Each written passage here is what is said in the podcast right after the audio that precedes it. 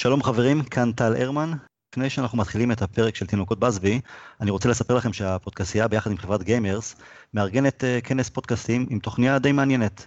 אם אתם זמינים ב-23 לשלישי, 23 למרץ, uh, ב-WeWork של מייקרוסופט בתוך הלונדון מיניסטר, אתם מוזמנים להירשם לאירוע, הלינק יהיה בתקציר בסאונד קלאוד, אז uh, תירשמו ותגיעו, יהיה מעניין.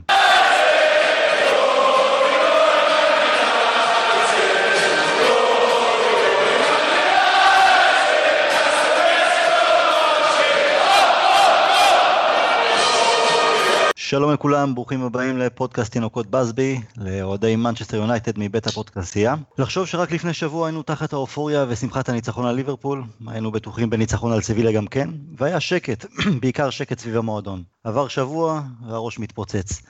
קשה, לעמוד, קשה היה לעמוד בקצב הדברים אותם בחר ז'וזה מוריניו להוציא החוצה דרך מספר מסיבות עיתונאים, רעשים מיותרים, אמירות מקוממות, ומי בכלל זוכר שניצחנו את ברייטון ועלינו לחצי גמר גביע האנגלי. ככה זה שה manager שלך גורם לזה שהוא יהיה הנושא המרכזי, ולא הכדורגל. אני טל הרמן, ביחד איתי אביעד שרלג וגבי כהן, ובהופעת בכורה רונן דורפן. בואו נתחיל. אביעד, ערב טוב, מה קורה? טוב, היו שבועות טובים יותר מאלה, בוא נגיד זה ככה. כן, בהחלט. גבי, מה העניינים איתך? אה, בסדר, אני מחפש אה, ספר אה, מוצלח, אם למישהו יש המלצה. בא לי, בא לי איזה שינוי. תשאל את פוגבה, תשאל את פוגבה, הוא, הוא מוביל בתחום. נשאל אותו. פחות עם הצבעים, אבל לדעתי. אוקיי. רונן, מה שלומך? ברוך הבא. בסדר, תודה, נחמד להתארח אצלכם. אנחנו שמחים שאתה איתנו. המון דברים אה, מוריניו אמר. אני רוצה להתחיל דווקא מהסוף, מהדברים על לוק uh, שואו. זה צרם לי יותר מבין כל הדברים שהוא אמר, ואני חושב, חושש, שזה דווקא יכול להרוס לו יותר מהכל בעונה הבאה, וזה עיבוד חדר ההלבשה. יש לי בטן מלאה על לוק שואו, כן? זה שלא תבינו לא נכון. ההתנהלות שלו מחוץ למגרש בכמה שנים האחרונות, אה, שפת הגוף שהוא, שהוא עולה איתה למשחקים בעונה הזו, גם נגד ברייטון אגב. לא ראיתי שם איזה רעב אמיתי להוכיח, ועדיין, כביסה מחפשים בחדר ההלבשה. ההשתלחות הפומבית של מוריניו בשואו, וגם אם הוא צודק אגב, היא לא יכולה ולא צריכה להיעשות דרך התקשורת, כי שחקנים אחרים הם לא עיוורים, הם לא טמבלים. הם יודעים שהיום זה שואו, מחר זה אחד מהם. ומוריניו כבר איבד חדרי הלבשה בעבר. בגלל הדברים הללו בדיוק, גם בריאל מדריד, גם בצ'לסי, וזה כאילו שהוא לא מוכן ללמוד, לא, לא רוצה לשנות. רונן, בוא נתחיל איתך לגבי זה. אני מסכים, אבל זה לא הדבר שהכי צרם לי. הדבר שהכי צרם לי, כאילו, כל אחד פה, אנחנו במסכת תלונות על מוריניו. הדבר שהכי צרם לי זה שהוא אמר, אה, במין התנשאות כזאת, יש לי את הגיבוי של, של הבעלים, יש לי את הגיבוי של מיסטר וודוורד, ולאוהדים יכולה להיות דעה. עכשיו, זה החזיר אותי די הרבה שנים אחורה, ואני תמיד כעיתונאי אהבתי את מוריניו כי הוא, כי הוא גן עדן לעיתונאים, כן? Uh, סיקרתי משחק, נדמה לי שצ'לסי בקדנציה הראשונה שלו ניצחו 3-0 את uh, פורצמוט, ועיתונאי שאל אותו שאלה טריוויאלית, הוא, הוא, הוא אמר לו, ג'ו קול שיחק משחק מצוין, מוריניו פתאום אמר, בפעם הבאה שג'ו קול ישחק בשביל הקהל, for the public, ולא בשביל הקבוצה, זאת תהיה הפעם האחרונה שהוא ישחק בצ'לסי. והבוז הזה שהוא אמר, פאבליק, היה לי דז'ה בו להיום. אה, מוריניו מתחבר לכוח, לא ניכנס להיסטוריה המשפחתית שלו, אבל כן ניכנס, הם היו מחוברים למשטר הפשיסטי בפורטוגל, אני לא, אני לא קושר בין הדברים, אבל הוא בן אדם עם הערצת כוח, והוא הבהיר לאוהדים, אני אה, מסונכרן עם, עם אה, מוקדי הכוח, כשכתבתי את זה בפורום שלך, אנשים אמרו, אה, אולי הם לא מסונכרנים איתו, אני מקווה מאוד שזה המצב, אבל זה צייר לי את מערכת, זה הגדיר לי למה לא רציתי אותו מעולם כמנג'ר יונייטד, כי זה מערכת הערכים שלו. הקהל לא במקום גבוה אצלו. אנחנו נגיע באמת גם להנהלה ומה הם חושבים, ננסה לנתח מה הם חושבים ומה הלאה. אביעד, מה לך הציק, לי הציק שואו, לרונן הציק אה, העניין של הכוח, מה שהוא אמר לגבי הגיבוי מההנהלה, מה לך הכי הפריע? לי הפריע פשוט היכולת מול סביליה, כל מה שסבר סביב המשחק הזה בעצמו. מבחינת הדיבורים ומסיבות עיתונאים אני פחות מתחבר לזה. כלומר, היו תקופות, שנים, לא תקופות קצרות, שבהם הייתי מתעצבן מכל אמירה במסיבות עיתונאים. באופן אירוני זה היה בעיקר מוריניו, בתחילת הדרך בצ'לסי. ההוא אמר ככה, הוא אמר ככה. לא יודע, אחרי בערך 15 שנה של uh, מנג'רים שאומרים שטויות במסיבות עיתונאים, לא עכשיו, אלא כבר לפני בערך שנה, שנתיים נמאס לי, אני די מתעלם מהם. בהקשר של לוק שור, רק הדבר היחידי שיש לי להגיד זה שהדבר היחידי שעלה לי בראש ששמעתי את זה, זה שהוא, שזה דווקא הסימן שהוא לא ויתר על לוק שור. כי אם הוא היה מוותר על לוק שור, אז הוא היה מחליק את השאלה ומעיף אותו בקיץ. זה יכול עדיין לקרות, אמנם הוא האריך לו את החוזה, אבל ראינו כבר היום כותרות כבר, כותרות אולי מ... הכותרות זה ששואו רוצה לעזוב. לא כן, בוודאי, בוודאי, אז אתה יודע, זה גם דרך של לגרום לו לעזוב, כי נמאס לו. תכלס הרי גם אה, במשחק נגד ברייטון, לאחר המשחק, באולפן של BT, פול סקולס ורובי סאבג' ניתחו את המשחק והראו להם שם מפת החום גם של אה, שואו לעומת יאנג, כלומר לא ראית שם איזה הבדל מסוים, כלומר הבחירה של מוריניו להיכנס דווקא בשואו לאחר המשחק, גם זו הייתה מוכנה מראש. אני לא חושב, כי הוא לא מעלה שחקן בשביל להוציא אותו במחצית ואז להיכנס בו. מפת חום לא מספרת את המשחק, היא לא מדברת על הרווחים שהוא ניסה, שמוריניו דיבר עליהם לפחות. מפת חום מדברת על מיקום באזור במגרש, לא מיקום שלך בערך מול הקיצוני. בין אם זה צודק או לא, זה לא העניין. רק מה שאמרתי לגבי לוקשו, זה פשוט העיר לי שהוא לא בהכרח אה, ויתר עליו, אולי זה הדרך אה, שלו לנסות להעיר את לוקשו. אם זה הניסיון, זה היה כנראה ה-last ditch effort וזה נכשל. לפי מה שהבנתי, לוקשו ישב על הספסל במחצית השנייה ועשה לייקים בטוויטר לציוצים שתמכו בו. זה המעשה המקצועני. בזמן משחק? בזמן משחק? מאיפה יש לו פלאפון בכלל בזמן משחק? במחצית השנייה הופיעו לייקים בטוויטר של לוקשו על ציוצים שתמכו בו. זה שערורייה. מוריניו האשים אותו לגבי, כלומר חיפשתי מישהו שיגן יותר טוב, למרות שדווקא במחצית השנייה אה, ברייטון יותר יותר תקפו אותם. מה שהוא אמר זה שרציתי מישהו שייתן יותר אה, רווחים בהתקפה, והוא ואנטוניו ולנסיה לא עשו את זה, אבל יכלתי רק להחליף אחד מהם. לא, אנטוניו לא, ולנסיה לפחות הגן כמו שצריך. הגן, כן, אבל... לפיכך הוא זה שנשאר. לא זה הקריטי, לא נורא. אה, גבי, מה לך הכי הרבה הפריע? אה, אז קודם כל אני חושב שלמי שיש את הבטן הכי מלאה בסיפור הזה, זה ללוקשו עצמו, עם איך שהוא נראה איך שהוא נראה על הדשא ואיך שהוא חוזר אה, אחרי חודש בלי כדורגל, סך הכל. אני כבר, אה, בעניין האמירות של מוריניו, אני כבר, אה, נמאס לי קצת להתחיל לנתח אם זה, הוא עושה את זה בשביל עצמו, הוא עושה את זה בשביל להסיט את האש מהשחקנים, הוא עושה את זה במכוון, הוא עושה את זה לא במכוון. אני הפסקתי להתעסק בזה, זה כבר מעייף. אני אישית לא חושב שקהל והתקשורת תמימים, כלומר כבר מכירים את הטריקים האלה, מכירים את התכסיסים האלה, אני לא בטוח שזה תמיד עובד בעניין של אה, למשוך את האש מהשחקנים למוריניו. אה, אני חושב שפשוט, אה, לא יודע, לטובת כולנו, לטובת השקט האישי שלי לפחות, צריך להפסיק להתעסק באמירות האלה. יש, היו הרבה הרבה אמירות, הרבה אמירות מרגיזות או מקוממות. ספציפית לי מה שהכי הפריע, אם אתה מתעקש איתי, העניין הזה שהוא, כלומר, השווה מורשת הכדורגל או ירושת הכדורגל או כל עניין התרגום שהיה קשה לו, ומתוך כך אולי גם לא הבינו את דבריו. אה, שאלה פשוטה, כלומר, מהי המסורת כדורגל של סביליה שעברה אותנו, לא אגיד בקלות, אבל עברה אותנו, לא באיזה צמד משחקים יוצא דופן. לא בקלות, אבל בצדק מוחלט. נכון, בצדק מוחלט, עברו את זה, וזה ש... מה, ש... מה ששלהם שלהם, כמו שאומרים. ואני לא רואה איזה מסורת כדורגל גדולה בשנים האחרונות שיש לסביליה, כלומר מוריניו ניסה להזכיר שם את זה שהם אה, לקחו ברצף איזה כמה גביעי... אה, כן. כן. אוקיי, בסדר. יונייטד אה, שנתיים שלוש אחורה גם הייתה מועדון הישגי, לקחה גביע אנגלי, אני לא בטוח שזה בחשיבות שלו או בקושי שלו, יותר, יותר או פחות מהליגה האירופית, אבל זה העניין, ברגע שהוא מתחיל להיכנס לקטנות האלה ולהשוואות ולמי יש יותר גדול ולמי יש יותר קטן, ילכו ויחפשו אותו, ילכו ויצביעו לו ויגידו לו זה נכון וזה לא נכון, ימשיכו את ההתעסקות, ימשיכו את הניפוח התקשורתי סביב זה. אני בטענה שלי שזה לא מסית אש ולא מוריד אש, להפך, זה רק מוסיף קצת לבלגן אה, ול...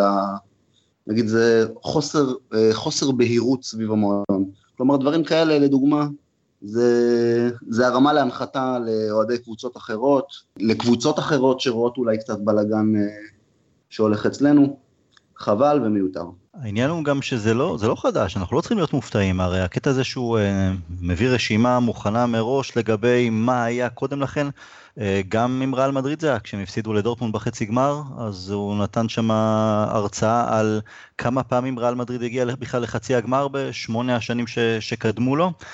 והוא גם, כן, יש את הטענה של, הוא אומר את הדברים הללו כדי להסיט את האש, כדי לקחת את האש אליו ולעזוב את השחקנים. זה, הוא גם קצת, אני לא מאמין בזה, והוא גם די סתר את זה השבוע. מצד אחד, כי הוא הוציא את זה גם לאחד מעיתונאי החצר שלו, שזו המטרה שלו. מצד שני, הייתה את ההשתלחות גם בשואו, ולא רק שואו, גם מקטומני.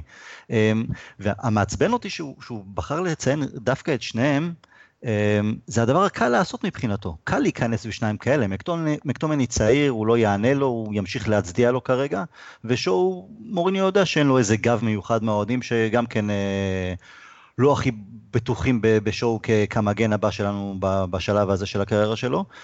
הוא לא יעז להגיד למשל את השם של פוגבה, שההתנהלות שלו, הגישה שלו במשחקים האחרונים של פוגבה על הדשא. ידידי, זה מוריניו, הוא מתקיף בלי לקחת סיכונים.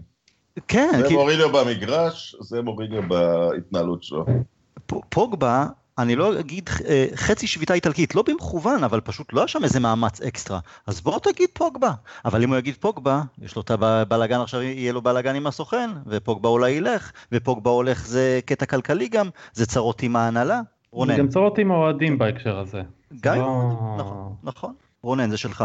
כן, הוא, הוא בסופו של דבר, הוא, קודם כל לנתח למה הוא בדיוק התחיל להשתולל עכשיו, כשתהיה לנו איזו דוגמה של, מהקריירה שלו, שהוא לא השתולל, אולי בוויטוריה שטובל הוא לא השתולל, אני לא יודע, לא, לא עקבתי אחריו ככה, אז אפשר יהיה לתת משמעות uh, מיוחדת למה להפסד הזה הוא הגיב uh, בצורה כזאת. זה בהחלט, זה לא, זה לא שווה uh, התייחסות בנקודה הזאת, אבל ציינת נכון, ובסוף פחדנות היא פחדנות, היא תכונת אישיות, והיא מצטיירת במסיבות עיתונאים שלו, היא לקיחת אחריות, והיא מצטיירת גם בכדורגל שלנו כרגע, כי גם בניצחונות היפים שהיו לנו, ואנחנו באמת, אתה צודק, אנחנו בחודש של... Uh, ניצחנו שלושה משחקים גדולים מארבע, זאת אומרת, רבע גמר גביע, צ'לסי וצ'לסי וליברפול, כן. והפסדנו, אבל, אבל לא היינו אמיצים בשום משחק כזה.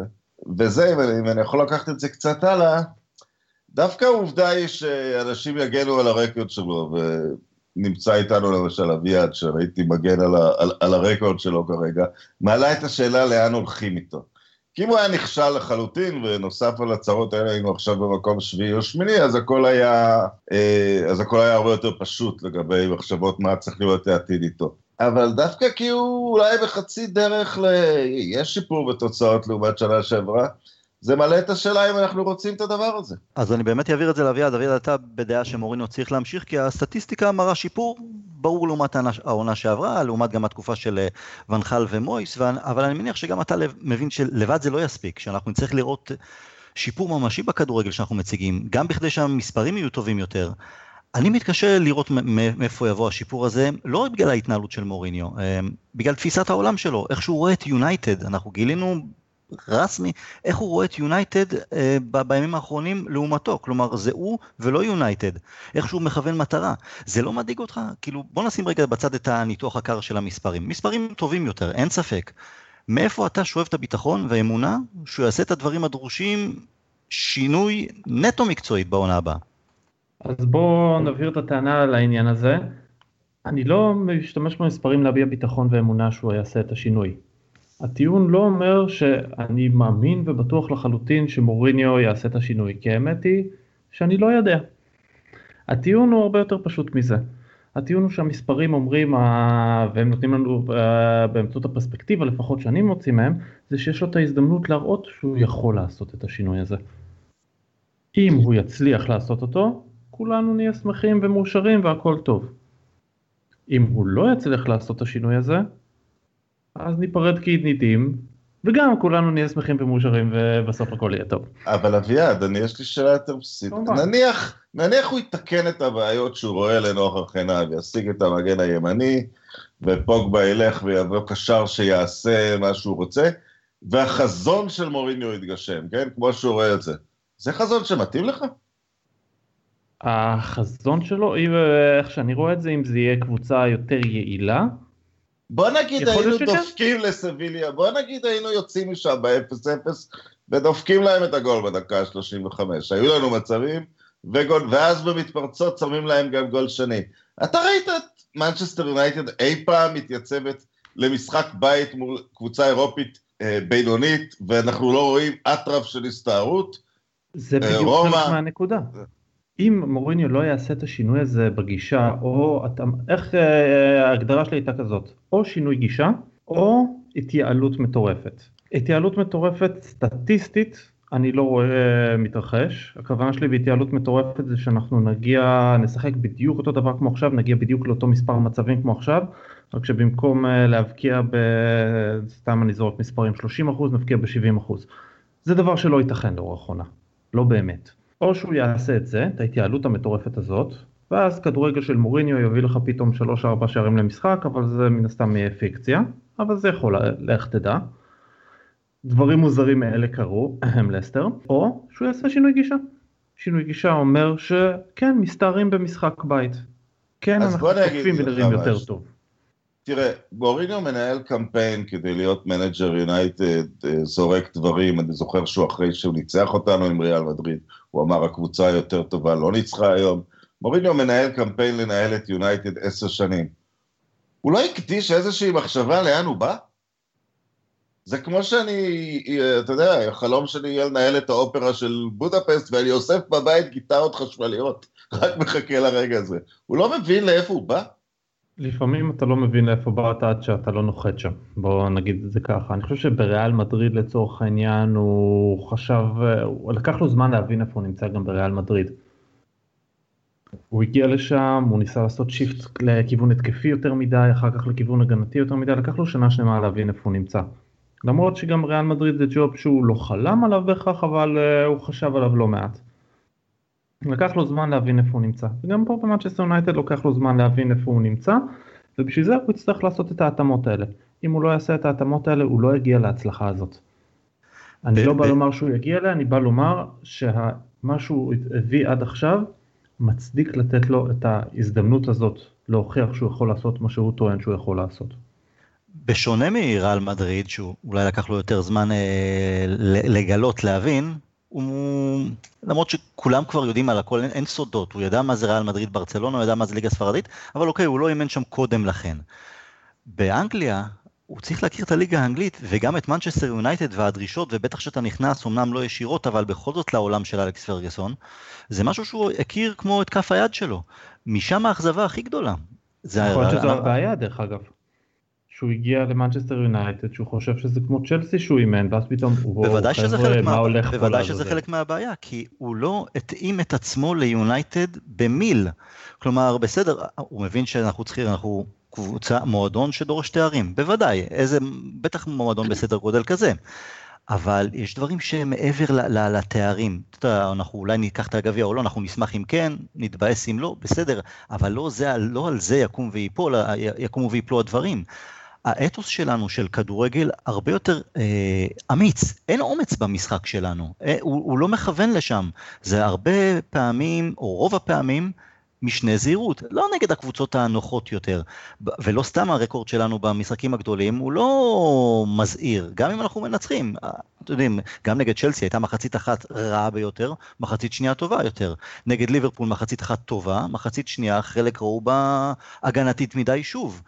אז, הוא, אז אה, הוא לא הכין את עצמו באמת כמו שצריך, הוא לא הבין, והוא עדיין לדעתי, לפי הדברים שלו גם השבוע, בשבוע האחרון, הוא עדיין לא מבין, הוא עדיין הוא כאילו ממשיך בשלו. הוא מחפש את ההזדמנות. טוטנאם, דרך אגב, לצורך העניין, ראית הופעה עלובה, באמת עלובה. בוומבלי. אבל, כן, אבל כן. הקבוצה שעלתה למשחק הזה מבחינת מאצ'סטר יונייטד הייתה קבוצה שבאה לתקוף. הייתה קבוצה מאוד לא מוריניואית, נקרא לזה ככה. אתה יודע מה? אני לא, אני לא חושב שעלינו נגד סביליה לא במטרה לתקוף. אוקיי? זה לא שהוא עלה... המשחק, במשחק החוץ אולי הוא באמת אמר, אוקיי, אני כמה שיותר אה, לקחת פחות סיכונים. בסדר. זה לא שהוא חשב, לא, אני לא אתקוף נגד סביליה. כאן מגיע הקטע של הקבוצה לא מאומנת לתקוף מספיק טוב. ברגע לא, שסביליה לחצו... זה הרגיש כמו, הוא עולה, העולה נגדיר זה יפה, לא, בלי האטרף, בלי האמוק, אלא בפחד כזה של אוקיי, מה יהיה אם אני אתקוף, אני אחטוף את השער חוץ, בוא, let's play it safe, ואולי באמת נשים את הגול דקה 30, 40, 50, 60.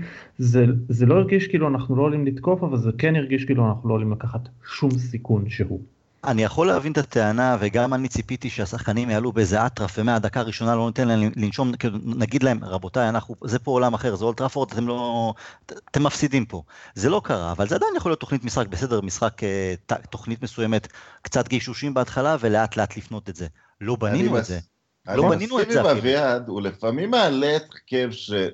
לכאורה אתה אומר הוא חושב התקפי, הנה, דוגמה, את פוגבה הוא רוצה להציב אה, יותר אחורה ממה שנניח אה, סקול מייעץ, או ממה שאנשים היו רוצים, כי הוא אומר לעצמו, הנה, אני מרוויח עוד, אה, עוד שחקן התקפי בתפקיד יותר נסוג.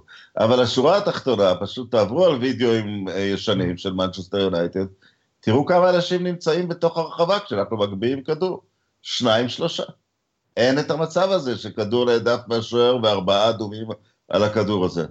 אה, רוב השערים של הצ'יצ'ריטוס והסולשיאר של העולם, שערי זבל, כי חמישה אנשים מסתובבים ברחבה והם מקבלים מצבים חופשיים.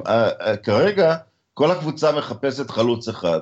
לא פלא שהוא קנה באמת את הבריון האולטימטיבי של הכדורגל העולמי, כי הוא לא רוצה לקחת סיכונים והוא מנסה להפחית את מספר האנשים שהוא צריך לשלוח קדימה.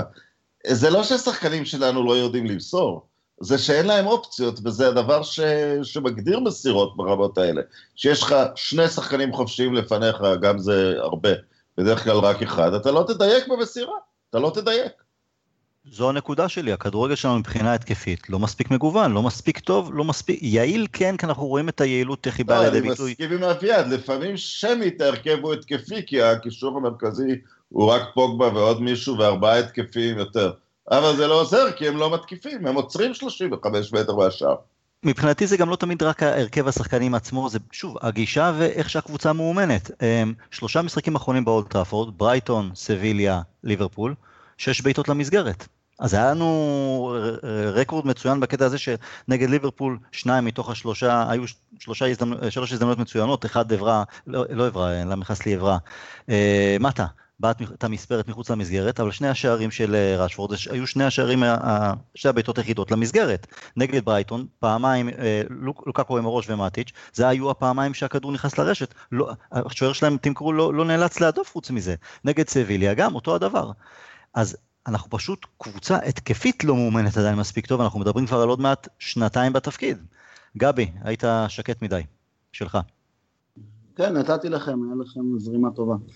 קודם כל, ודבר ראשון, ברגע שזה הכדורגל של מוריניו, כדורגל תגידו באמת הפחדני, ההססני הזה, הללכת על בטוח, גם כשהוא רוצה לעלות התקפי, אתם אמרתם את זה, השחקנים לא יודעים מה לעשות. אין, כלומר, קבוצה לא, היא לא במוד, היא לא יודעת מה, מה לעשות עם עצמה כשצריך לתקוף. היא לא יודעת ששחקנים צריכים לרוץ להיכנס לרחבה, זו נקודה מאוד נכונה שדורפן אה, מדבר עליה. השחק, השחק, נגיד הקיצוני, וה, הקיצוני והמגן עשו איזה תרגיל יפה באגף, המגן הגיע לעמדת הגבהה נהדרת, אתה אומר איזה כיף, איזה מהלך כדורגל נהדר, אבל ברחבה מי שמחכה זה לוקאקו בלבד, עם עוד שניים שלושה שחקנים סביבו, ואתה רואה אולי ככה שני שחקנים שבדיוק ככה מצטרפים פנימה לתוך הרחבה. גבי, אני, אעצור, אני, גבי, אני אעצור אותך רגע, כי אני, זה עוד לפני הרחבה. ברגע שסביליה, וראינו את זה לא רק אה, מצד סביליה, לוחצת אותה, ברגע שקבוצה לוחצת אותנו גבוה, את הבלמים, אין לנו שום שטאנץ, שום אימון, שום שיטה של להתקדם קדימה מעבר לכדורים הארוכים. אני לא חושב שהכדורגל שלנו הוא במכוון כל הזמן להעיף, כן, אנחנו רואים יותר דגש על כדורגל ישיר, גם כאילו קאקו עם המבנה שלו והגובה שלו והכל, עם פלייני שם אז גם כן. אבל אה, זה, אני לא חושב שמוריניו נותן הוראה כל הזמן כדורים ארוכים בכוונה, אבל ברגע שלוחצים אותנו גבוה, אין לנו שום תוכנית אחרת להתמודד אה, עם זה, מלבד להעיף קדימה.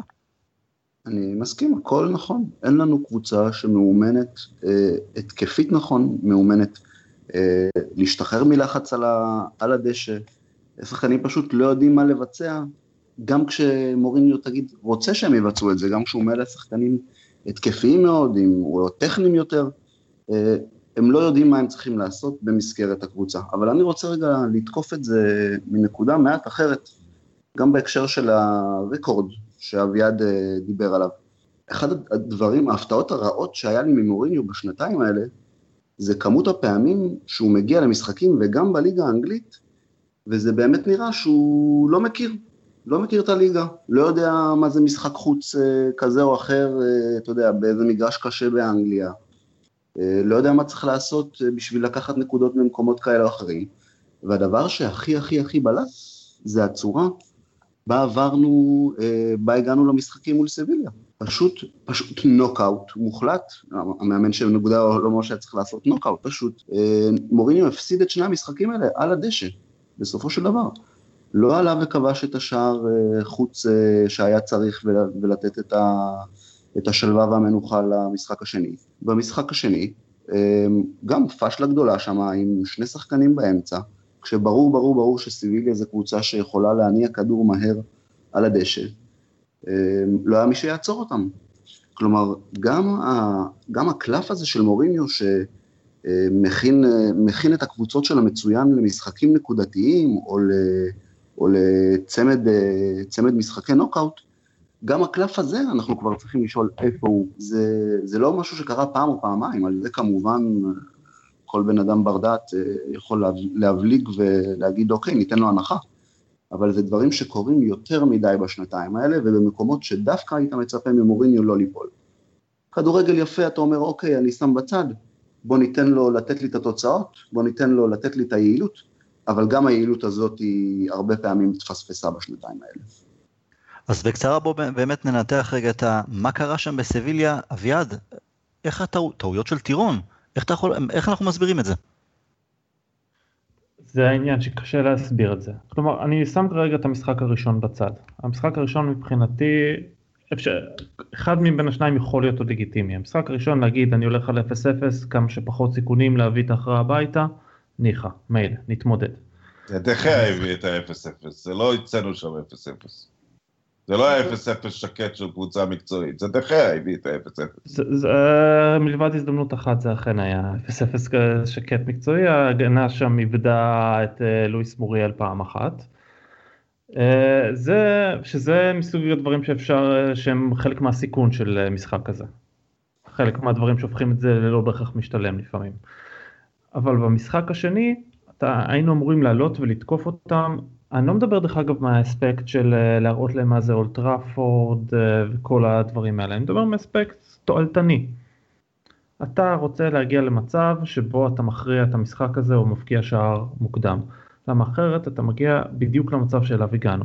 משחק תקוע, שאתה סופג שער בסביבות הדקה 60-70, ואז אתה מוצא את עצמך עם מעט מדי זמן בשביל להגיב. אנחנו עלינו בהרכב לא נכון, עם שני קשרים בלבד באמצע, מול הארבעה של סביליה, בלי כוח יצירתי דרך האמצע, עמדות מאוד לא ברורות בחלק הקדמי, כלומר לא כל כך ברור אם אלקסיס היה שם בשמאל או לינגרד בשמאל, שניהם נראו משוטטים.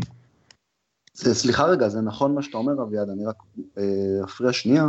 זה לא שההרכב לא היה נכון, כשאני ראיתי תמונת ההרכב אמרתי, אוקיי, יש פה עם מה לעבוד. כמו שאתה מסביר עכשיו, הציוות והמערך על המגרש הם היו הבעייתיים. בבקשה.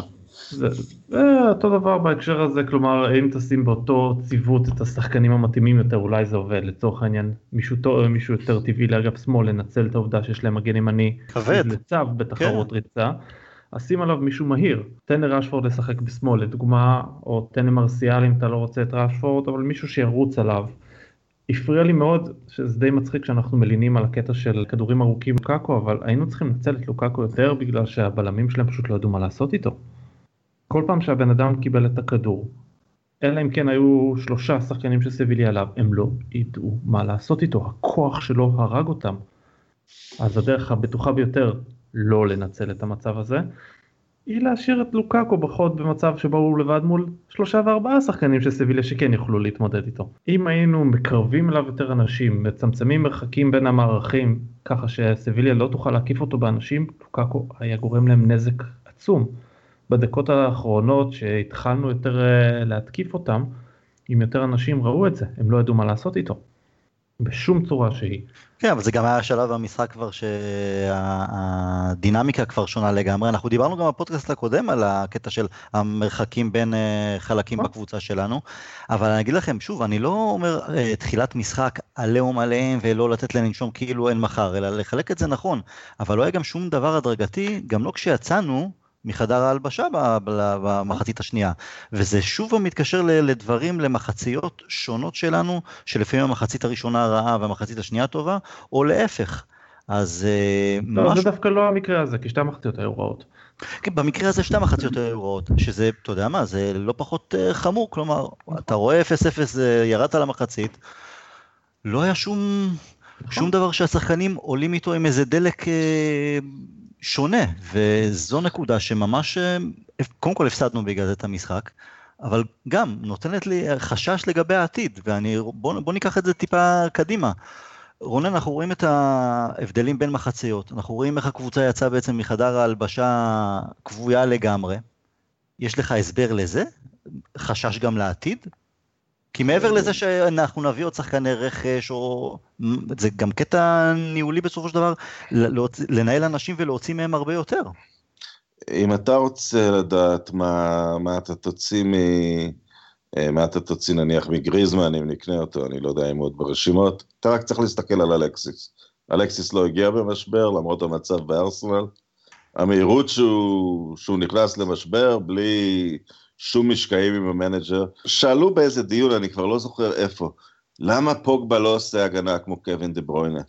כי קווין דה ברוינה, נכון, אולי הוא יותר מחויב, אולי הוא מתנהג יותר יפה, אולי אה, יש לו איזו עדיפות אישיותית, אבל קווין דה ברוינה יודע שבשנייה שהוא יחטוף את הכדור, הוא יהיה בהתקפה של ארבע, ארבעה מול ארבעה, או משהו כזה, הוא כבר, זה, זה כבר חלק מההתקפה. קווין דה ברוינה לוחץ 20 מטר משער היריב. אה, מפוגבה מבקשים לרדוף אחרי מגינים באזור דגל הקרן שלנו. אין מה לעשות, הסופרסטארים האלה, הם, יש בהם איזה חדוות משחק, ו, ומורינו פשוט הרג אותה אצל השחקנים שלנו. אין, אין שחקן התקפי אחד, אה, אה, אין שחקן התקפי אחד בכושר במנצ'סטר יונייטד כבר מאז שלינגארד אה, סיים את האביב הקצר שלו, אין שחקן התקפי אחד בכושר. אז שאלתי מקודם רונן את אביעד לגבי, אביעד שואב את העידוד שלו או את המחשבה שמוריניו צריך להמשיך מנקודת מבט מסוימת. מה לגביך? מוריניו בעונה הבאה, כן או לא? אני מעדיף שלא ימשיך. עכשיו, אתה יודע, אני תמיד הגנתי גם על מויס וגם על... אה, אני, אני פשוט תמיד התגאיתי, הייתה סטטיסטיקה שהייתה נכונה עד מויס, שמאז מלחמת העולם היו פחות מנג'רים ביונייטד מהאפיפיורים, ואני אהבתי את זה. אז uh, לקחנו יתרון גדול על uh, הוותיקן עכשיו, שכנראה, שכנראה לא נמחוק את זה. אני נגד, אני נגד פיטורים, כי אני חושב שהכוח של מנצ'סטר יונייטד הוא תמיד, uh, תמיד הייתי נגד פיטורים, כי הכוח של מנצ'סטר יונייטד הוא ב, ביציבות. Uh, יש למועדונים נוסחאות מנצחות. לריאל יש את הנוסחה שאף אחד לא אוהב, אבל הם עושים אותה מאימנד מיידה סטפנו. הם יודעים לאסוף את הכוכבים ולחבר אותם ב, ברגעים נכונים. ולברצלונה זו סביב השיטת משחק, ויובה וביירן בונים את מה שהם בונים מלקיחת כל השלד המקומי החזק וחיזוקים מקומיים. ואנחנו שינינו, זה נשמע טיפשי המילה הזאת DNA, אבל אנחנו שינינו את ה-DNA שנכנסנו ל... ל, ל, לשורה של החלפות מאמנים, כי, כי, כי זה תמיד היה הכוח שלנו. אבל למאמן הזה אין את החזון של הקבוצה, ושוב, אני, אני בן אדם שאהב את מוריניו, אני, בבלוג שלי, הטור הכי פופולרי היה שהגעתי עליו אחרי הניצחון של אינטר, אבל זאת הייתה אינטר, איטליה, הלניו הררה, זה משהו שבאיטליה אוהבים. הוא הגיע למנצ'סטר יונייטד והוא פשוט מסרב לתת לכל מה שאי פעם קרה בקבוצה הזאת ערך תרבותי, הוא פשוט מסרב לעשות את זה. הוא פשוט מסרב להבין, אה, אין, אין לו כבוד לזה בסופו של דבר, כנראה זה לא נובע מחוסר כבוד למנצ'סטר יונייטד, כי הוא תמיד רצה את התפקיד, אבל זה נובע מכך שלמגלומנים באופן כללי אין אה, כבוד למה שמתרחש סביבם. כבוד לעצמם יש להם. כן. כן, האמת היא שעד הפיטורים של מוי, שזה היה מה זה, שמונה, תשעה חודשים, משהו כזה, מי שבעצם אה, היה התקופה הכי קצרה עד אז, היה דייב סקסטון, שפיטרנו אותו לאחר עונה וחצי, אגב, לא בגלל תוצאות, בגלל ה show שהקבוצה לא, לא נבקעה לקהל. זו הייתה יונייטד מאוד, אה, כדורגל מאוד אה, הגנתי, לא מהנה, על זה הוא הלך הביתה, לא על תוצאות. סיים, סיים בשבעה ניצחונות רצופים. כן, זה, אבל, הכדורגל, זה לא היה כדורגל של יונייטד, אז ואחרי זה הגיע רון אטקינסון והוא אה, אה, היה חמש שנים בתפקיד, גם למרות שלא לקח אליפות, אבל היה שואו גדול, כמובן אחרי זה פרגי והכל, אז כן, זה, נהרס. אה, אז שאני גבי, אגיד, כן. כמו במקרה של סקסטון, לא בגלל שמוריניו נמצא במקום השני, לא הייתי מפטר אותו תוך כדי העונה, זאת אומרת, אין פה יותר מדי גם על להרוויח מזה. אה, וכבר עשינו מעשה אחד מאוד מכוער, שזה לפטר את אה, ונחל בערב של הזכייה בגביע. כאילו... לא, לא, גם אני בדעה שהוא צריך אה, להמשיך, לסיים את העונה. אני אישית לא... קשה לי לראות מאיפה שיבוא איזה שינוי מתוך מוריניו. ואני באמת, גם בקבוצה שלי בפייסבוק, גם אצלך רונן, שאני כותב, אני לא, מוריניו לא היה כוס התה שלי, מעולם, אבל למדתי לחבב את האיש כי כשהוא, כשהוא היה בקרבות נגד פרגי והוא ניצח אותנו, אז כמובן אתה שונא אותו כי הוא עושה את זה יותר טוב ממך. אבל עם השנים למדתי לחבב אותו, ל, ל, גם להעריך אותו ואת ההצלחה האדירה שלו בכל מקום שאליו הוא הגיע. אבל כשהיום כשהוא אחד משלנו ואני רואה את כל ההתנהלות הזאת מול התקשורת, וכן, וגם פרגי לא היה חסיד מול התקשורת, ו... אבל זה היה שונה, אז, ו... זה, אני, אני רואה את, את מוריניו, וזה יותר ויותר מזכיר לי את תקופ, תקופת ונחל, גם מבחינת הכדורגל הלא מהנה, גם ההתנהלות מול התקשורת שם, שונחל השתלח ב, ב, בעיתונאים, כינה אותם בשמות, גם כל הקטע של הדף הסטטיסטי, התירוץ, שוונחל הביא אז לאחר משחק נגד וסטאם, שסם אלדייז אמר שיונייטד משחקת כדורים ארוכים, אז הוא הביא במיוחד דפים לעיתונאים, תראו, הנה הסטטיסטיקה, וסטאם בעטה יותר כדורים ארוכים מאיתנו. דברים קטנים ו- ומביכים, או דף העובדות של אה, בניטז, הוא, לדעתי, הוא מכין פה, ואתם יודעים מה, אני אקח את זה לעוד איזה נושא, ואני אתן גם, גבי, אני אתן לך להתחיל. שמעתי מכמה חברים אוהדי יונייטד איזה תיאוריה מסוימת, היא קיצונית, אני מודה, אבל אני לא חושב שאפשר לפסול אותה ממש על הסף. אני לא יודע עד כמה מוריניו באמת רוצה להישאר ביונייטד, או לפחות הוא לא יישאר בכוח, הוא לא ישאיר את עצמו בכוח, ואני חושב שהוא סוג של מכין את האליבי למקרה שהוא יפוטר ואם לא תהיה הצלחה. Um, הוא כבר אומר שהקבוצה לא מספיק טובה, שחסרים שחקני האופי ויכולת. הוא ממש, uh, כאילו, היו לו כמה פרקים השבוע שהוא כל פעם uh, העצים את זה יותר ויותר. ואז אם הוא לא יקבל, יקבל נגיד בקיץ את הרכש כמו שהוא אוהב, אז הנה, טיעון הגנה ראשון. ואם הוא יפוטר בסיום העונה הזאת בגלל האכזבה נניח של ההנהלה בכל הנוגע לזה שבכלל לא, לא התקרבנו לאליפות בשנתיים הללו, אה, ההדחה המוקדמת מליגת האלופות, שאין מה לעשות, יש לזה גם קישור כלכלי, ספונסרים והכל, מנצ'סטר יונייטד שעפה בשמינית הגמר זה פגיעה. אז, אז גם כן, אז הוא יכול להגיד, הוא יכול להגיד, טוב, אני אמרתי לכם, הקבוצה לא בשלה עדיין. ואם זה יקרה, אני לא יודע אם הוא יתנגד אה, להגיע לפריס סן ג'רמן. הם רצו אותו בעבר, הוא לא פסל זאת על הסף. אה, הוא גם היה לו את המחמאה שהוא אה, דיבר על הפרויקט הנהדר והמרענן והצעיר וה...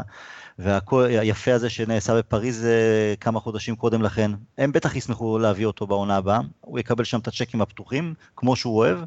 הוא מאמן טורנירי גביעים מדופלם בסופו של דבר. הם רוצים את ליגת האלופות יותר מהכל, ואני חושב שגם הוא. גבי, אתה, לגבי מוריניו בעונה הבאה, כן, לא. אם כן, ממה אתה שואב את העידוד שלך? אם לא, תסביר גם כן, וגם קצת לגבי התיאוריה הקיצונית הזו שהעליתי.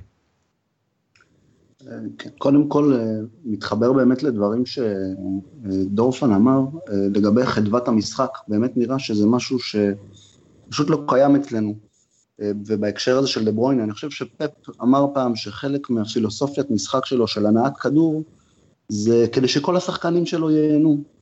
אפילו שחקן קישור אחורי או בלם שמשתתף במשחק המסירות, נוגע בכדור עוד פעם, עוד פעמיים, אה, מכניס אותו לחלק מהעניינים, מכניס אותו, מכניס אותו עוד לכיף של המשחק, גם אני נוגע בכדור, גם אני משתתף, זה לא רק אה, שחקני התקפה שגוזרים את הקופון והתהילה למעלה, זה בהחלט אה, פילוסופיה נכונה מבחינתו של פפ.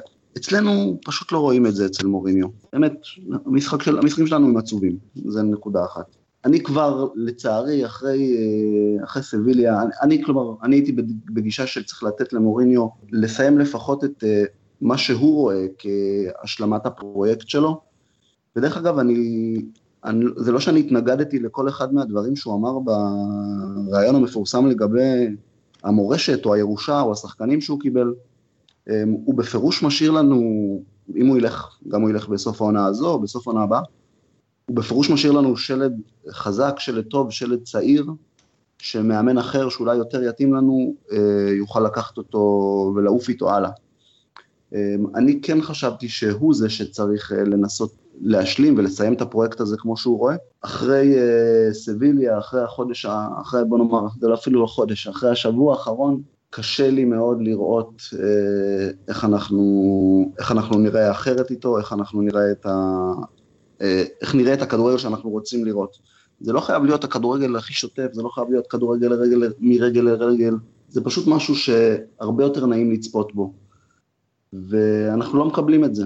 ואם במשחק, אה, אה, זו נקודה שאתה אמרת, טל, אם במשחק כל כך קריטי וחשוב מול סיביליה, הפתרון של מוריניו, וראו את זה מהדקה הראשונה, זה לזרוק כדורים לרחבה לפלאיני וללוקאקו בגובה, אמ, אז אני לא רואה איך, איך אחרי כמעט שנתיים זה הפתרון הכי טוב שהוא מצליח למצוא, אחרי שהוא קיבל את כל הרכש שהוא רוצה, אחרי שהוא בסופו של דבר, אה, הוא לא יכול לבוא בטענות אה, להנהלה עד עכשיו, אה, אבל הקבוצה לא נראית, אני בטוח שגם, שגם הוא לא רוצה שהקבוצה תיראה ככה, אני בטוח שהוא לא חושב שהקבוצה נראית טוב. אה, לצערי, אחרי שנתיים, כמעט שנתיים זה אמור לראות אחרת, ואני מרגיש שאנחנו צריכים אה, להיפרד, להגיד לו תודה, אבל זה יהיה מישהו, צריך להיות מישהו אחר שיותר מתאים לנו, שיקדם את הקבוצה הזו. פוגבה הוא בעיניי משהו מרכזי. קודם כל אפשר לראות ש... את החיבור החברתי. ידוע שהוא חבר טוב של, אה, של לוקאקו ושל לינגארד, ושראית את שניהם יחד עם, אה, עם רשפורד ומרשיאל, ונניח דמיינת את אה, לינגארד שם, ואולי את פוסו מנסה חוזר, ואני, סליחה, זה לא אמור להיות משהו אתני, אבל הם, היה איזה סגנון של מהירות, של פיזיות, של קצת וירטואוזיות בכל השחקנים. אם הוא יאבד את, אה, הוא, הוא כבר מספסל בעצם את רשפורד ומרשיאל לגמרי בשביל אלקסיס. אם הוא יאבד את אה, פוגבה בשביל להביא שחקן ותיק מאחת הקבוצות הלטיניות, הוא, הוא, הוא יעצור את הפרויקט הזה. אולי בגלל זה הוא לא נכנס בפוגבה כל כך, כי, כי, כי פוגבה ילך, משהו, משהו יישבר בתוך תלכיד הזה. כן, בהחלט, ובגלל זה, בגלל שהשלד הזה השלט שוב של שחקנים התקפיים, צעירים, סוסים שרוצים, אה, סוסים שרוצים שישחררו אותם לדהור. אה, בגלל שהוא מרסן אותם כל כך, טוב יהיה שהוא יניח את המפתחות בסוף העונה הזאת, ויעביר את המושכות אה, למישהו שיוצאים מהשחקנים האלה הרבה הרבה יותר. ושוב, זה מבחינתי לא משנה אם פוגבה יהיה או לא יהיה, אני לא מחבבי פוגבה. אבל גם עם פוגבה אפשר, אה, אפשר לעשות ולהצליח אחרת. תכף ניגע בכמה שחקנים בודדים, אה, אביעד בטח רוצה להגיד כמה מילים, ואביעד, אה, גם לגבי התיאוריה הקיצונית שזרקתי, או לאו דווקא לגבי התיאוריה, אלא לגבי מה ההנהלה תעשה, ובכלל אם יש לך להוסיף על הדברים של החברים. אה, קודם כל לגבי, אה, רציתי להתחיל עם הקטע של התיאוריית קונספירציה הזאת, אה, זרקת פה הרבה האשמות על מוריניו, אז suffice it to say שאם הוא באמת מגלומן כפי שהוא מצטייר, הוא לא צריך אליבי. כלומר הוא לא צריך להכין אותו מראש, הוא כבר ימצא אותו. הוא הכין הוא לא אותו. לא צריך, לא, אני מתכוון, הוא לא צריך להכין אותו מראש, הוא לא צריך להאשים את ההנהלה שהם לא מביאים לו את מי שצריך במקור, הוא יכול לעשות את זה גם בדיעבד. זאת אומרת, הוא תמיד ימצא איזה משהו. בדיוק, אז זה, הוא, לא, הוא לא צריך להכין את הקרקע, זה הכוונה שלי. זו הייתה הרגשה ש... שלי בדברים שהוא אמר השבוע, כלומר הוא הכין איזה קרקע, אתה יודע, למקרה ואם יפוטר, כי בכל זאת, אתה יודע, הדחה מאירופה זה לא משהו שציפינו, לא בשמינית הגמר, בטח לא נגד סיביליה. אבל... נכון, אבל אם הוא היה מחפש את הפיטורים שלו לצורך העניין, אז הוא לא מתעסק עם הסגל שהוא קיבל ליד, הוא לא היה מתעסק עם לדבר עם השחקנים, הוא היה מתעסק עם ההנהלה. Okay. אוקיי. אם הוא היה מחפש שיפטרו אותו, זה מה שהוא היה צריך לעשות. אני לא ש... חושב שהוא מחפש להיות מפוטר. נכון. נכון. אני לא חושב. זה, זה הטענה שלי, שאם הוא היה מחפש אז הוא היה עושה דברים אחרים ממה שהוא עשה, אני לא חושב שהוא מחפש להיות מפוטר. בהקשר הזה, אני חושב שאת הסיפור של פריז הוא השתמש בו בתור או פיתיון או אופציה ריאלית, לא יודע מה, אבל לפני הנושא של חידוש החוזה, היה את הרעיון הזה שם באמצע, אמצע עונה או אחרי קריסטל פאלאס שהוא דיבר על זה נכון, הוא, השת, הוא, הוא השתמש בהם, אבל הם רצו אותו בעבר, כבר היו דיבורים בעבר אני יודע, הוא היה קרוב, הוא בסוף לא הלך, זה יגיע מתישהו, אם uh, מיד אחרינו. אה, טל, אם הוא עוזב את יונייטד לפני תואר בכיר או לפני התמודדות על האליפות, גם המניות שלו ירדו מאוד, בגלל זה אני לא חושב שהוא רוצה, כל מועדון שהוא עזב עד היום, הוא יכול היה להגיד, אבל זכיתי במשהו. אם הוא... זה, זה לא יהיה לו טוב לרזומה, הוא ימצא את עצמו כמו ונגר, שבאמת פעם פעם פעם היו לו הצעות מברצלונה וריאל וכל מה שהוא טוען, אני לא חושב שהצעות יגיעו כל כך מהר על מוריניו, אם הוא יעזוב במצב הנוכחי. ו- וזה מה שמביא אותי אגב דרך אגב לנושא הזה של מה צריך לעשות אה, בעונה הבאה. קודם כל אני יוצא מנקודת הנחה שאנחנו נסיים פחות או יותר במקום שבו אנחנו נמצאים עכשיו. אה, אני חושב שלהקשר הזה זכייה או אי זכייה בגביע לא באמת משנה הרבה. כלומר זה לא שהעונה הזאת תחשב הצלחה ענקית עם הגביע, או רק אה, כישלון לזכות בגביע יהפוך את העונה הזאת לכישלון נוראי. הוא יחשיב את זה כהצלחה. אה, אני לא חושב שהוא יחשיב את זה בינו לבין עצמו, מה שהוא יספר לתקשורת, שיספר מה שהוא רוצה למי שהוא רוצה. הוא לקח את גביע הצדקה כאיזה תואר... אה, בסדר, כמו שאמרתי, מתעלם מכל הדברים האלה באופן אה, עקרוני, לא רק אצלו, אצל אה, כולם.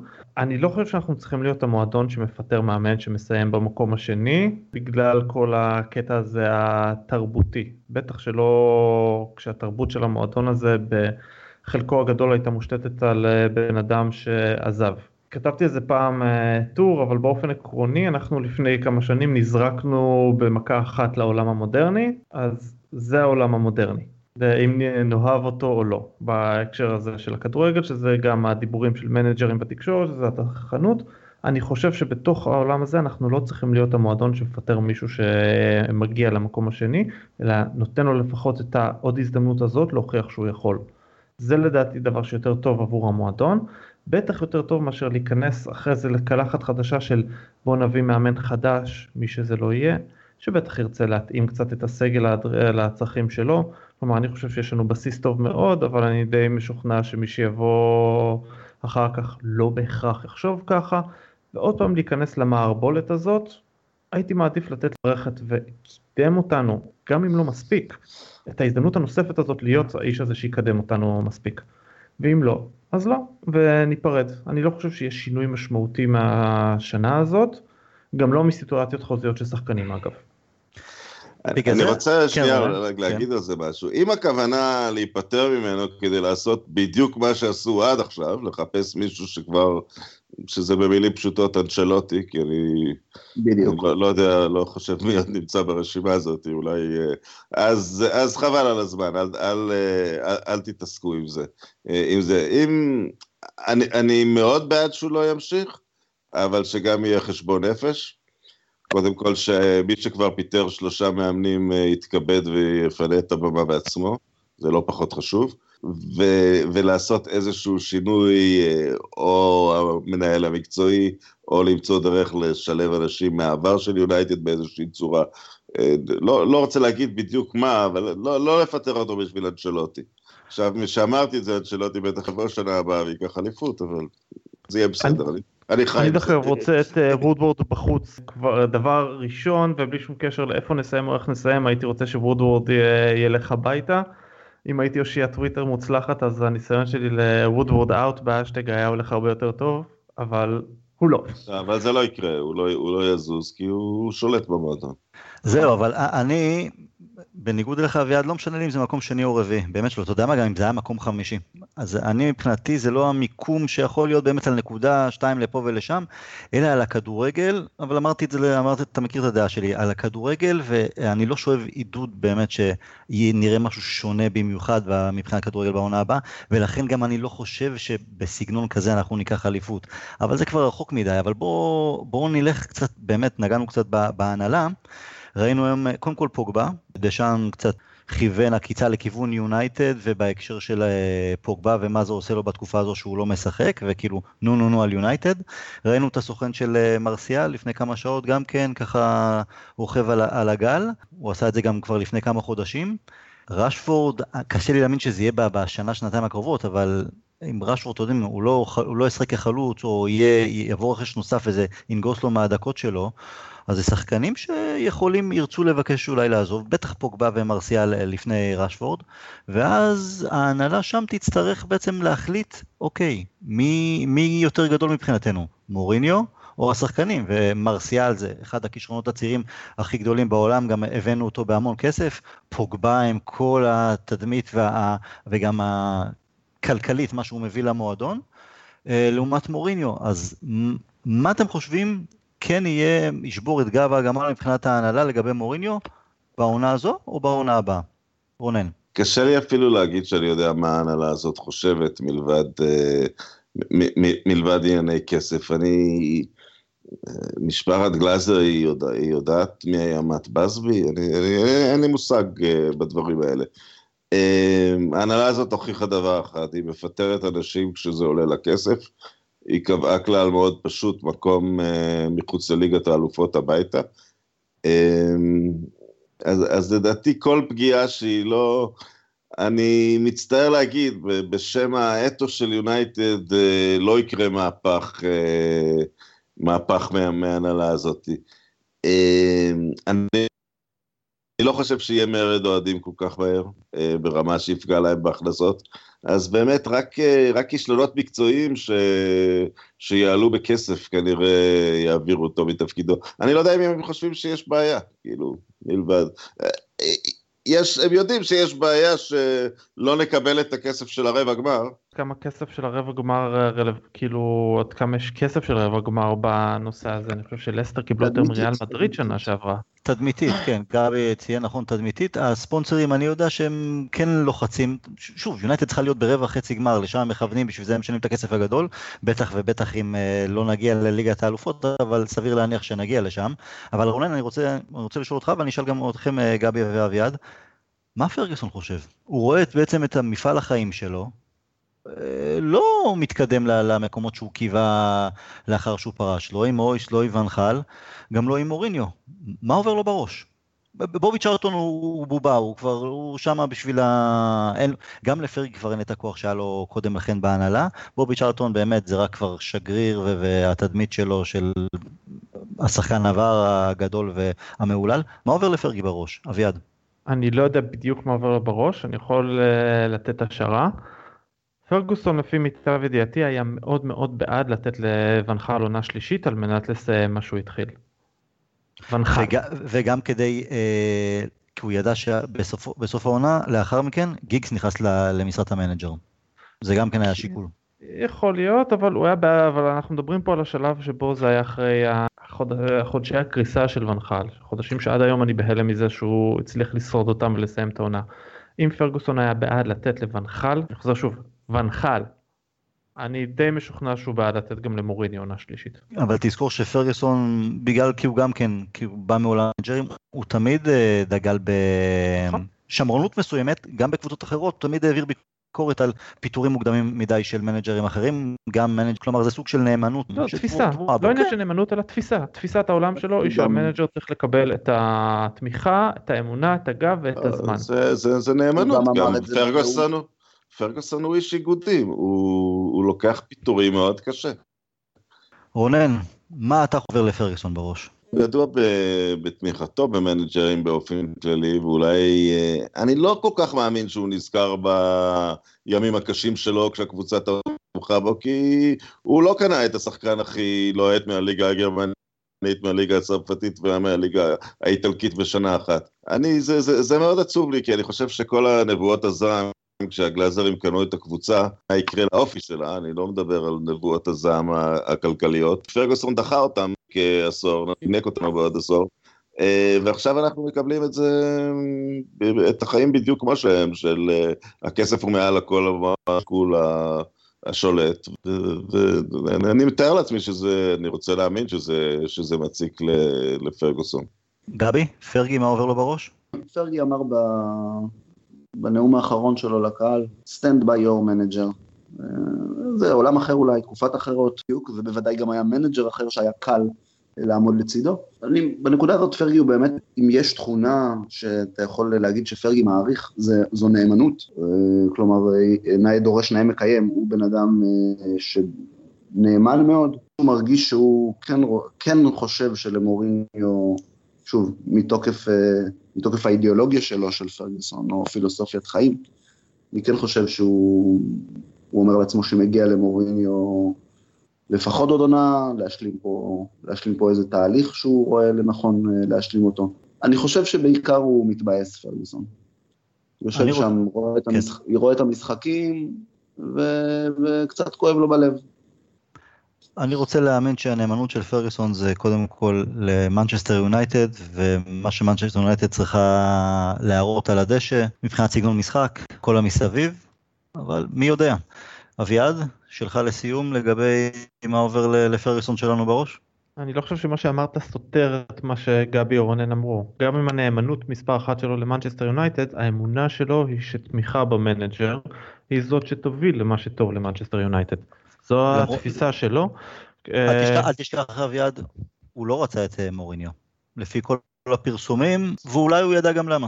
בגלל כל מה שאנחנו רואים מסביב, מעבר לכדורגל, גם ההתנהלות אה, התקשורתית וכן הלאה. חל היה האיש המועדף עליו, ובכל זאת הוא תמך בלתת לבנחל עונה שלישית כנגד כל דעה הגיונית אחרי שנתיים. כי הוא חיפש יציבות, בוודאי שיש יתרון ליציבות מסוימת, אבל לפעמים גם, אתה יודע, גם הוא ידע לקבל החלטות קשות ולעשות קאט ולפטר את האנשים או להעיף את השחקנים שלא סיפקו את הסחורה. כלומר, כן נאמנות, לא עיוורת ובלי להסתכל בעצם מה קורה. תשמע, עדים שאנחנו שומעים עכשיו אצל האוהדים, אולי דווקא לתת למוריניו את העונה השלישית, זו דווקא ההחלטה הקשה. רונן, אתה רצית להוסיף משהו? כן חושב, אני, יש לי תחושה שפרגוסון כבר לא מתערב, שהוא... הוא... לא רוצה להתעסק עם זה. אז אם יש איזושהי תקווה ש, שהוא יגיד את הדבר, לא, אני חושב שהוא החליט שהוא ירד מבימת ההיסטוריה. אולי אם ימונה מנג'ר יותר מקורב אליו, אולי אם קאריק ייכנס לצוות, כרגע אני, אני מרגיש שהוא לא מתערב. יותר מזה, אני מרגיש שאם הוא יגיד את דעתו לא יקשיבו. כן, הוא איבד את הכוח שלו לצערי. אה, אם הוא יגיד את דעתו בציבור ובצורה מאוד זה, כן, כן. הוא יקשה עליהם לא להקשיב לו. נכון מאוד. אם הוא לא מתראיין עכשיו ואומר מוריניו הביתה, זה נגמר. אם הוא לא דיבר עד היום, אז קשה לי להאמין שנשמע אותו אה, מדבר אה, מעכשיו רק בגלל ההדחה מאירופה או מה שזה לא יהיה. אביעד, אתה מקודם בשיחה אישית בינינו דיברנו גם קצת על פרגוסון והכל, אבל, אה, ורונן הזכיר גם את הקטע של אה, הגלייזרים, שבעצם פרגי דחה את הקץ במשך, אה, במשך עשר שנים, דיברת משהו בהקשר כלכלי. כלומר, הוא, של הגלייזרים הוא מאוד מאוד הציל אותנו. כלומר, ההצלחות על המגרש והיכולת לשמר אותם גם אחרי רונלדו למשל, היו הצלה כלכלית, גלייזרים עשו את הבנייה מחדש של המבנה והיציאה להנפקה בבורסה. אם אנחנו היינו בסביבות 2006, 2007, 2008 מציגים תוצאות או היעדר תוצאות כמו בשלוש-ארבע שנים האחרונות, מנצ'סטר יונייטד הייתה בבעיה כלכלית עצומה. עצומה. אני חולק על זה, אבל לא, לא חולק על זה רעיונית. היא לא הייתה בבעיה כלכלית עצומה, היא פשוט הייתה שייכת לקטר. הייתה שייכת לבנק ובנק היה או מוכר אותה לקטר או מוכר אותה בחלקים כלומר יכול להיות שהוא היה מוכר אותה לקטר אחרי שהוא היה מוכר את קרינגטון קודם אנחנו לא יודעים בדיוק איך הבנקים היו עושים את זה. לא, לא מוכרים פרה חולבת הוא היה מוכר אותה לקטר גם אז הם כבר הציעו סכומים יפים. אה, ליברפול דרך אגב היו בסיטואציה די אה, דומה ושם הקבוצת אה, קנייה אמריקאית גם הצילו אותם כי הם כבר עמדו על סף פשיטת רגל והורדת נקודות עם האמריקאים הדבילים שלהם. האמריקאים שלנו לא דבילים, זאת כל הבעיה. עם כל הרע, הרע שלהם, אני מעדיף אותם על פני אה, הקטרים, וגם אם יש להם אה, יותר כסף. מה אני אגיד לכם חברים, אני, אני מודה, אני הגעתי לה, להקלטה הזו מאוד טעון, עוברים על הימים לא קלים הם, אה, בגלל כל ה... גם ההדחה מאירופה, איך שהקבוצה נראית. מוריניו שבאמת יותר ויותר קשה לי איתו, בסופו של דבר זה גם רגש, זה לב, זה בטן, ממש ימים לא קלים כאוהד. אה, ציפיתי למשהו אחר לגמרי, אני מודה, וואלה, השיחה הזאת היא קצת עוד לדעה אותי. אני עדיין בדעה שאנחנו צריכים להיפרד ממוריניו בסוף העונה, אבל זה היה מין סוג של אה, כדור אה, אופטלגין, אז אני מודה לכם. רונן, איך היה לך? אני מצטער שהבאתי אווירה עכורה כל כך, רק הגעתי. לא, להפך, להפך, אתה...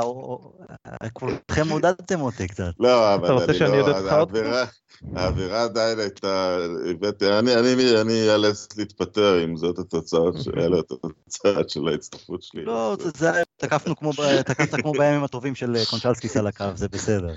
אוקיי. אני יכול לעודד אותך עוד קצת למען האמת. דבר.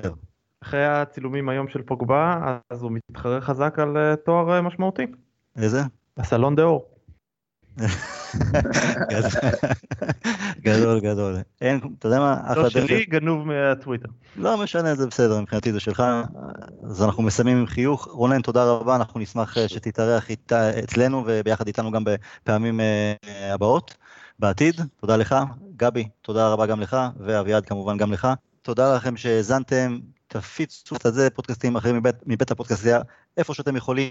ושטוב, יש לנו קצת מנוחה עד סוונזי בסוף החודש, ניקח אוויר, נקווה להמשך הרבה יותר טוב, וכמובן, יש לנו חצי גמר באופק, אז אה, יש למה לצפות. תודה רבה, ערב טוב, will never die.